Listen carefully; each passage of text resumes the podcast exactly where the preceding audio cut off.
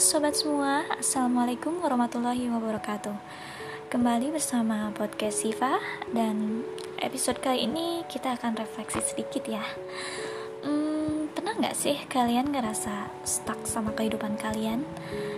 Dan ngerasa hampa aja gitu jalani hari-hari? Apalagi musim pandemi kayak gini Dengan tagline stay at home semua aktivitas difokuskan di rumah dan rasa-rasanya rebahan lagi, rebahan lagi. Banyaknya rebahan dibanding aktivitasnya. Atau buat kalian yang ngerasa putus asa, nggak tahu harus apa, padahal sebenarnya banyak banget hal yang bisa dicari tahu dan bisa dipelajari. Nah, kali ini saya punya quote untuk kalian yang ingin bangkit dari kaum rebahan menjadi kaum produktif. Ini dia. Hidup ini memang perlu kerja keras dan kerja cerdas. Terus belajar dan belajar hal-hal baru.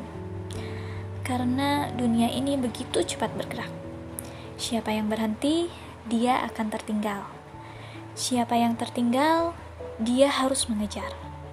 Jika dirasa tak perlu mengikuti, lihatlah nanti.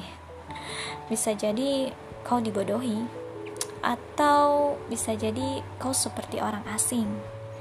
Ya, itu pilihan mau menjadi seperti apa dirimu.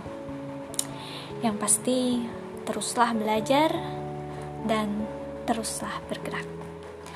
Oke, itu dia quotes-nya dan terima kasih buat kalian yang udah mendengarkan.